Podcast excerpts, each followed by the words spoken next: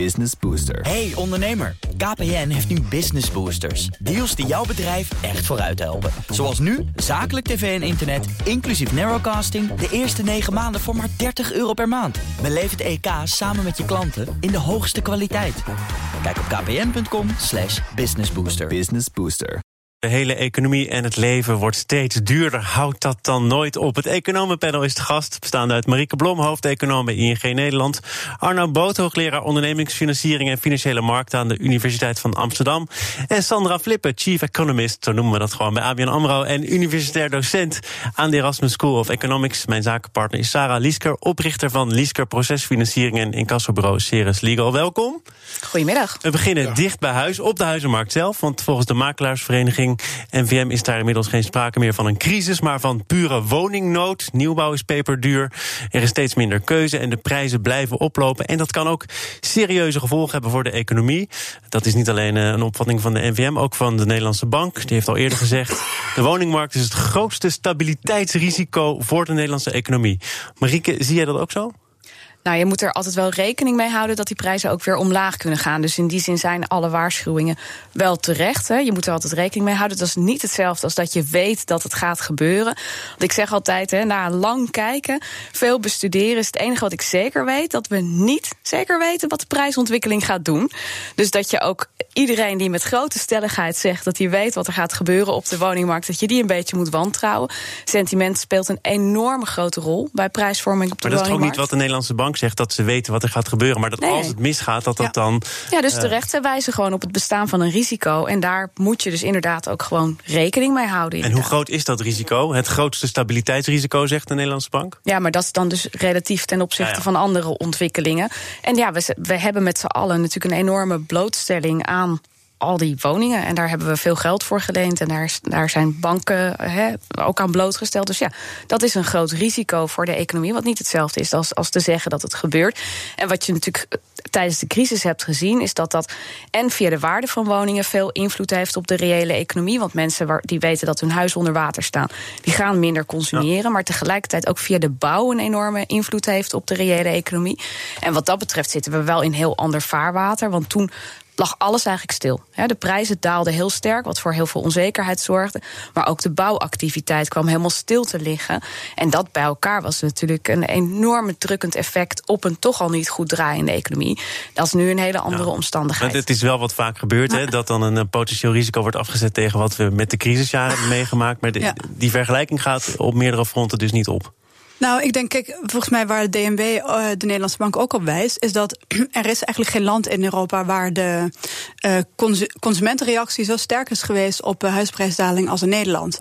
En dat heeft natuurlijk ook te maken met de manier waarop huizenbezitters in Nederland hun huis financieren. Lenen, lenen, lenen. Lenen, lenen, lenen. Dus, dus in, in 2013, 2014, toen, toen de, de huizenprijzen voor sommige woningen tot wel 30 procent onder water stonden. Toen was er een, een eh, zeg maar op het, op het, mis- op het dieptepunt was er een eh, consumptiedip van 3 procent. En dat heeft eigenlijk ook gewoon direct de dubbele dip in de, in de, ja, in de crisis veroorzaakt. Dus wij, wij zijn als land gewoon door de manier waarop we eh, eh, gefinancierd zijn eh, op onze huismarkt, eh, zijn wij kwetsbaarder voor ehm, eh, ja, eigenlijk macro-economische eh, ja, doorwerkingen van een huizenprijsramp. En dat is inderdaad ook wel. Ik, ik, zal, ik zat even naar Europees perspectief te kijken. Maar die, die manier eh, van financieren, die typisch Nederlandse manier van financieren, is ook Europees gezien tamelijk uitzonderlijk, toch? Dat zo'n groot deel van je binnenlands product, eh, als je hypotheekschulden kijkt, dat is 90 procent. Ja, nou is er wel veel aan het veranderen. Hè? Dus Ja, ja. als, als de, de, de LTV-ratio, de loan to value, eh, die was vroeger, eh, konden die ruim boven de 100% uitstijgen. En nu eh, is die volgens mij voor de drie grootbanken, ik weet niet, wat is het gemiddeld? 95% of zo, zoiets. Ja, dus Het je is- mag het is niet ruim meer onder de ja, 100. financieren. daar Ja. ongeveer liggen. Voor doorstromers ligt die denk ik nog iets lager. Maar dat weet ik Ja. inderdaad niet uit mijn hoofd. Het is echt wel veranderd. Wat je ziet is dat voor de crisis ging, eh, prijsstijgingen gingen samen met een enorme toename van de kredietverlening via hypotheken. En wat je de afgelopen jaren ziet, is dat de totale omvang van die hypotheken die stijgt eigenlijk niet zo snel. Terwijl die huizenprijzen dus wel heel sterk stijgen. Eh, maar tegelijkertijd, hè, de uitzonderlijke positie van Nederland is natuurlijk niet alleen de huizenmarkt die sterk gefinancierd is via hypotheken, maar ook dat wij al ons spaargeld in pensioenen hebben zitten. Dus wij hebben op twee manieren hebben we ons geld vastgezet. Dat maakt ons heel weinig liquide als huishoudens. En dat betekent dus dat als er iets misgaat in de economie, dat we heel weinig ruimte hebben om even wat bij te springen vanuit ons spaarbankboekje. En dat maakt Nederland, denk ik, veel minder stabiel gedurende. Arno Poot steekt even netjes zijn vinger op, dat is nieuw. Ja, ik ben, ik ben hier vandaag in de minderheid. Met jou zijn we hier samen in de minderheid, oh, toch? Zo heb ik er nog helemaal naar gekeken. ja, uh, dus uh, dat is alle reden voor je. Nee, kijk, huizenmarkt is natuurlijk een heel ingewikkeld probleem. En het is een ingewikkeld probleem, uh, niet omdat het technisch ingewikkeld is, maar als het eenmaal verkeerd zit op de huizenmarkt, dat, zijn, dat kun je niet zomaar veranderen. Uh, die huizen staan er, die hebben een bepaalde besteding. En uh, mensen hebben zich in de schulden gestreken, al dan niet voor hun huizen. Dus je kunt heel weinig snel veranderen. En wat we, wat we dus Kijk, huizenmarkt, dat suggereert dat er markt is. Maar we hebben natuurlijk via allerlei kanalen hebben we eigenlijk die markt beïnvloed. He, allerlei overheidssubsidies, he, hypotheekrenteaftrek, woningcorporaties, huursubsidie. Via allerlei invloed van die overheid op die huizenmarkt hebben we er eigenlijk geen markt meer van gemaakt, of een verstoorde markt. Maar het probleem wat we nu hebben is dat er allerlei mensen moeten kunnen wonen. En er wordt veel te weinig gebouwd. Dus ondanks al die subsidies naar de huizenmarkt is bijna niet voor te stellen. Je subsidieert iets met tientallen miljarden overheidsgeld. Wordt er te weinig gebouwd, zijn er te weinig huizen. Dus wij moeten naar veel meer huizen toe. Dat heeft niet alleen te maken met subsidie, maar ook onder andere met, met incidentele problemen op dit moment natuurlijk. Hè? PFAS, stikstof. Nou, het heeft heel veel te maken met uh, ruimtelijke ordening. Hè. bouwen moet je natuurlijk plannen. Hè. Dus als er dit jaar een, plotseling ontdekken dat er een stikstofprobleem is, wat natuurlijk, wat althans in de publieke beleving we plotseling ontdekt hebben. Ja. Dat hadden we natuurlijk tien jaar geleden in de planning al mee kunnen nemen. Dus het feit dat er nu weinig gebouwd wordt, komt door maatregelen die we vijftien jaar geleden wel of niet hebben genomen. Dus dat moeten we doen. Maar tegelijkertijd zie je dat die, en daar heeft die crisis, dat vele lenen wel mee te maken, dat we zeggen dat willen we niet meer. Dus we willen dat mensen hun eigen geld meenemen. Ja, dat... Maar diezelfde huizen zijn verdubbeld in waarde vanwege al die subsidies. En de nieuwe generatie die moet wel die dure huizen kopen en ja. kan niet meer maximaal lenen. Ja, exact. Daar zit volgens mij dus ook de, de catch-22. En volgens mij is die nood ook het grootste, ook als ik dat uh, om me heen beluister bij starters. Bij mensen die voor het eerst hun eigen huis uh, willen kopen. En die dan ook nog uh, geconfronteerd worden met wat strengere eisen aan hypotheekverstrekking zit daar nog een. Uh, verwachten jullie, kijk ik even naar de twee uh, bankiers, dat daar nog iets aan de hypotheekverstrekkende kant zit waar banken nog mee zouden kunnen dit, opschuiven of helpen? Of is dat. Nou, dit is echt een dilemma. Want het punt zou zijn, als je nou het voor starters makkelijker gaat maken om meer geld te lenen. Ja, waarom doen we dat niet? Omdat we ook bang zijn dat ze dan te veel risico gaan lopen. En je weet dat zo gauw ze meer geld mogen lenen, gaat dat geld ook onmiddellijk de markt op en vertaalt dat zich gewoon onmiddellijk in hogere prijzen.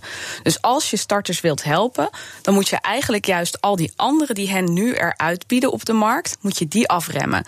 Nou, daar wordt wel naar gekeken. Er wordt veel gekeken naar beleid om bijvoorbeeld beleggers een beetje te ontmoedigen. Dan kan je denken aan een hogere vermogensrendementsheffing, of aan een hogere overdrachtsbeloning, of aan een bewoningsplicht. Nou, dat zijn maatregelen waarvan ik denk, daarmee maak je de relatieve positie van de starter, die het inderdaad echt heel veel moeilijker heeft gekregen, maak je die een beetje beter en dat zou dan ook effectief kunnen zijn. Maar volgens mij zijn er nog twee andere recente ontwikkelingen. De eerste is dat uh, het tweede inkomen van een uh, huishouden mag meetellen bij de, bij de hypotheekverstrekking. Uh, dus daardoor kunnen gezinnen hoger bieden. En, um, maar, het, maar het tweede is dat, dat, een, dat een kleiner deel van het inkomen meetelt voor de maximale hypotheek. En dat remt dus weer. En daarom denken wij dat de, dat de, de huisprijsstijging die, die gaat weliswaar door komend jaar. Maar um, minder hard dan uh, zonder die uh, nieuwe maatregelen was geweest. Want uh, het is niet alleen. Kijk, aan de ene kant heb je de, de aanbodrestricties die, die maken dat de prijs stijgt. Maar tegelijkertijd is er natuurlijk ook een, een vraag issue. En dat heeft te maken met betaalbaarheid. En door die nieuwe regels rondom uh, het maximale deel van het inkomen dat je. Dat, hoe het inkomen relateert aan de maximale hypotheek. Dat remt uh, de mogelijkheden van huishoudens weer. Waardoor ook die betaalbaarheidsgrenzen eerder in zicht komen. In zekere zin is dat uh, een soort van een zegen, omdat het de huizenprijsstijging in ieder geval wat weer iets afremt. Um, maar ja, dat, dat zijn allerlei beleidsmaatregelen. En, en dat, dat maakt ook, zoals Arno zegt, die huizenmarkt zo complex. Er zijn namelijk zo ongelooflijk veel maatregelen. die allemaal op een bepaalde manier doorwerken in het uh, stimuleren van de huizenprijs, zoals op dit moment. Um, Kijk, wij ontkomen er nu niet aan, gegeven de situatie die we hebben, die onacceptabel is voor de nieuwe generatie. We kunnen niet zeggen, wacht maar even tot het opgelost is. Dan ben je 15 jaar verder, ben je een halve generatie verder. De, je ontkomt er op dit moment niet aan, hoe markteconomie ook bent, om aan veel knoppen tegelijk te gaan draaien. En dan is er ook echt slim beleid nodig. Bijvoorbeeld in het westen van het land, waar je toch wil dat verplegers, uh, politieagenten, onderwijzers, leraren kunnen wonen, zul je specifiek moeten gaan eh, dingen gaan regelen voor die groepen. En dat kan betekenen, ik geef je nog één meer regels eigenlijk. Nog, me, nog meer op, in die tussenfase, in die tussenfase, die overgangsfase, want op een huizenmarkt duurt een overgangsfase 25 jaar. Maar 30 overgang jaar. naar wat dan precies? Naar de nieuwe huizenmarkt, oh, waar voldoende gebouwd is, waar voldoende vrije huur is, waar uh, minder sociale huur is, want die is veel te hoog met 10-jarige wachtlijsten. Sta, staat dat allemaal ergens op papier of zit het ja, nog in nee, je? Kijk, eh, bijvoorbeeld, ik geef je één voorbeeld waar het op papier staat. De Sociaal-Economische Raad, de Commissie Sociaal-Economische Kundige van de Sociaal-Economische Raad. In 2008 heeft de woningmarkt onderzocht. Komt met een rapport over de integrale herziening van de woningmarkt in 2010. Prompt wordt de commissie daarna afgeschaft. Omdat uh, de commissie wordt afgeschaft omdat de werkgevers de boodschap niet, niet mooi genoeg vinden. Want die willen niet dat er een hypotheekrente gerommeld wordt, et cetera. Dus de belangrijkste commissie van de zes, dat was de commissie Sociaal-Economische Kundigen. Daar zaten alle economen in. Ja, woningmarkten, ik zat Ja, erin. woningmarktdeskundigen, Winsemius, uh, et cetera. We hadden iedereen erin gezet. We hebben een prachtig rapport geschreven in 2010. De commissie, het eerste wat gebeurt, is de commissie wordt opgeheven omdat de betreffende belangengroepen het advies niet opportun vinden op dat moment. Daar staan veel knoppen in. Maar laat ik gewoon even één voorbeeld geven. In Californië, Amerika. En dat is natuurlijk niet het Valhalla. Verre van het Valhalla.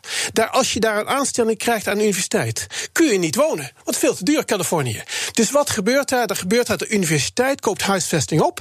Jij kunt voor de helft eigendom kopen. Jij krijgt dus de winststijging voor de helft, maar ook de verliezen voor de helft. Je bent de helft eigenaar van je huis. En daarmee zorg je dat het onderwijzend personeel aan een huis kan komen. Dat soort maatregelen hebben we hier nodig. En de tweede type maatregel is: waar is die randstadrail? Waar zorgen we ervoor dat je op 30, 40 kilometer van Amsterdam op een hele makkelijke manier in Amsterdam kunt komen? Daarmee vergroot je de woningmarkt.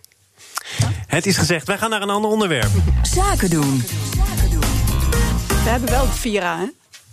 Sandra, wat wil je nog zeggen? De Vira. Oh, sorry. Nee, Ja, ja, nee, ja, jij ik was nog nog even voor Het is zo gezellig. Ik dacht- de Vira ging heel ver. Of had heel ver. Ja, je hebt gelijk, de Vira ging maar heel dichtbij. Maar had heel ver moeten gaan, toch? Als die treinen reden. Marieke Blom is hier, Arno Boot, Sandra Flippen en mijn zakenpartner Sarah Liesker. Het leven wordt duurder. De prijzen zijn in 2019 vorig jaar met eh, 2,6% gestegen. De hoogste inflatie in 17 jaar tijd. Eh, nu is het ook wel zo, bleek ook vorige week, meen ik, dat de lonen zijn gestegen, de cao-lonen. Ehm, houdt dat elkaar een beetje in evenwicht, Sandra? Ja, de, volgens mij de, de laatste cao's die in december zijn afgesloten... die komen op 3,1% loonstijging. Uh, dat is toch meer dan de 2,5% uh, gemiddeld over het jaar. Uh, en, da, en ja, die drie, die, dat komt natuurlijk wel weer in de buurt bij de inflatiecijfers. Maar um, ja, het ontloopt ook allemaal, elkaar allemaal nog maar net. Dus dat Dus betekent in feite... Ja, een, een nul of niet. Ja. Ja. Uh, voor, voor afgelopen jaar, hè, zeg maar, je kijkt natuurlijk niet alleen naar de inflatie en naar de lonen, maar je kijkt natuurlijk ook naar wat de lasten doen. En de, hè, per saldo uh, zijn de lasten ongeveer neutraal gebleven. Dat is aan de ene kant btw-verhogingen en energiebelastingen die bijvoorbeeld in de prijzen zitten. En aan de andere kant zijn de tarieven wat omlaag gegaan.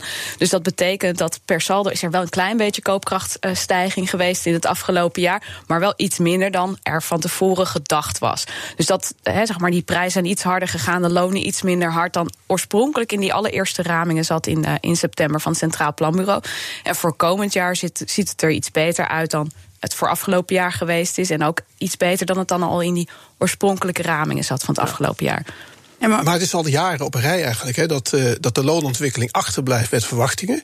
Nu is het eindelijk wel zo dat de afgelopen twee jaar de lonen zijn gaan stijgen. Want daarvoor was het bijna niet te begrijpen waarom er helemaal geen beweging in zat. Omdat de werkloosheid toch al redelijk richting nul was gegaan. Nou, daar is wel naar gezocht, hè. ZZP'ers, een vakbond die er minder toe doet. Ja, maar toch, dat, dat klopt. Dat klopt. Dat zijn trouwens ook facetten die al heel lang spelen. Maar als je, zoals de Nederlandse arbeidsmarkt. Weet je hoeveel banen, hoeveel banen in uren er gecreëerd zijn de afgelopen vijf jaar? 9,5 procent in uren. En dat zijn 700.000 banen. Denk even aan melkertbanen die zou creëren, 700.000. Dus voor een of andere reden, even los van dat er, dat er slechte banen bij zitten, werkt het kapitalistische systeem op andere wijze dus wel. Want 9,5 procent banen in termen van uren, daar kun je geen melkertbanen tegenover zetten. Maar waarom gingen die lonen niet stijgen? Als de werkloosheid lager is dan ooit en de uh, arbeidsparticipatie hoger dan ooit. Dus we zitten nog steeds met een maar puzzel. Heb jij daar dan nu een antwoord op? Nee, dit is, dit is een van de. Nee, uh, om eerlijk te zijn, ik kan er van alles over zeggen. Maar om eerlijk te zijn, verwacht ik wel dat de loonontwikkeling gaat aantrekken. Die, ik verwacht dat die verder gaat aantrekken. Dus ik hoop nu eindelijk een keer dat het volgend jaar in, in plaats van weer net tegenvalt. Want dat, dat het nu een keer meevalt. Ja? Want bij die hele lage, hele lage werkloosheid moet het zo zijn dat er concurrentie voor arbeid ontstaat en dat arbeidskosten omhoog gaan. Maar ik zie dat er technologische ontwikkelingen zijn waardoor er een groep mensen tussen wal en schip valt en die gaan erop achteruit. Dus, dus het is die kwaliteit, de gebrek aan kwaliteit in bepaalde banen en de hoogwaardige banen waar, waar grote vraag naar zal ontstaan. Maar toch, maar toch, ik vraag me af, hè, want de, hebben toevallig net uh, onderzoek af, uh, het komt binnenkort naar buiten, over uh, arbeidsmarktkrapte. Als je zeg maar het CBS kijkt van hoe krap is de arbeidsmarkt, dan tellen ze gewoon hoeveel vacatures zijn dat ten opzichte van het aantal werkzoekenden. Maar als je dat veel lokaler gaat bekijken, dus zeg maar welke werkzoekenden zijn zowel bereid om te reizen tot die vacature, als ook hebben een voorkeur voor het beroep wat die vacature aanbiedt, dan, en, en je matcht dat op lokaal niveau, dan kom je geaggregeerd tot een krapte indicator die veel en veel harder stijgt dan we tot nu toe dachten. En maar dat dan, wil zeggen, mensen willen een baan die ook een beetje past bij wat ze kunnen, toch? Dat ja, nee, dat, dat, is sowieso zo. Alleen de, de, wat, wat, het CBS, ja. wat het CBS nam gewoon hele zeg maar, grove maat altijd. En zei ze van, uh, ze kijken, we kijken naar hoeveel vacatures en hoeveel werkzoekenden. En, en, en dat matchen we op elkaar alsof iedere vacature voor iedere werkzoekende een potentiële aansluiting is. Maar dat is natuurlijk niet zo. Maar uh, mijn punt is dat als die krapte zoveel sterker is toegenomen dan we denken. Uh, waarom, zijn, waarom is de loonstijging dan eigenlijk nog steeds relatief laag? Terwijl als je denkt van wat zijn nou de opties die een ondernemer heeft of een werkgever, je kunt of de lonen verhogen om te proberen het personeel aan te trekken, of je kunt investeren in automatisering. Maar het laatste automatiseringsrapport van het CBS laat eigenlijk ook zien dat uh, de, de arbeidsbesparende automatiseringsinvesteringen hartstikke laag zijn. En, en, juist niet in de sectoren waar de krapte het grootst is. Ik denk dat je eigen onderzoek een heel goede aanwijzing is voor waarom die lonen niet sterker stijgen. Een van de vele redenen overigens. Wat je denk ik ook laat zien is dat er een enorme mismatch zit in de arbeidsmarkt. En dat betekent dus dat werkgevers willen wel mensen, maar ze willen andere mensen dan de mensen die op dit moment beschikbaar zijn.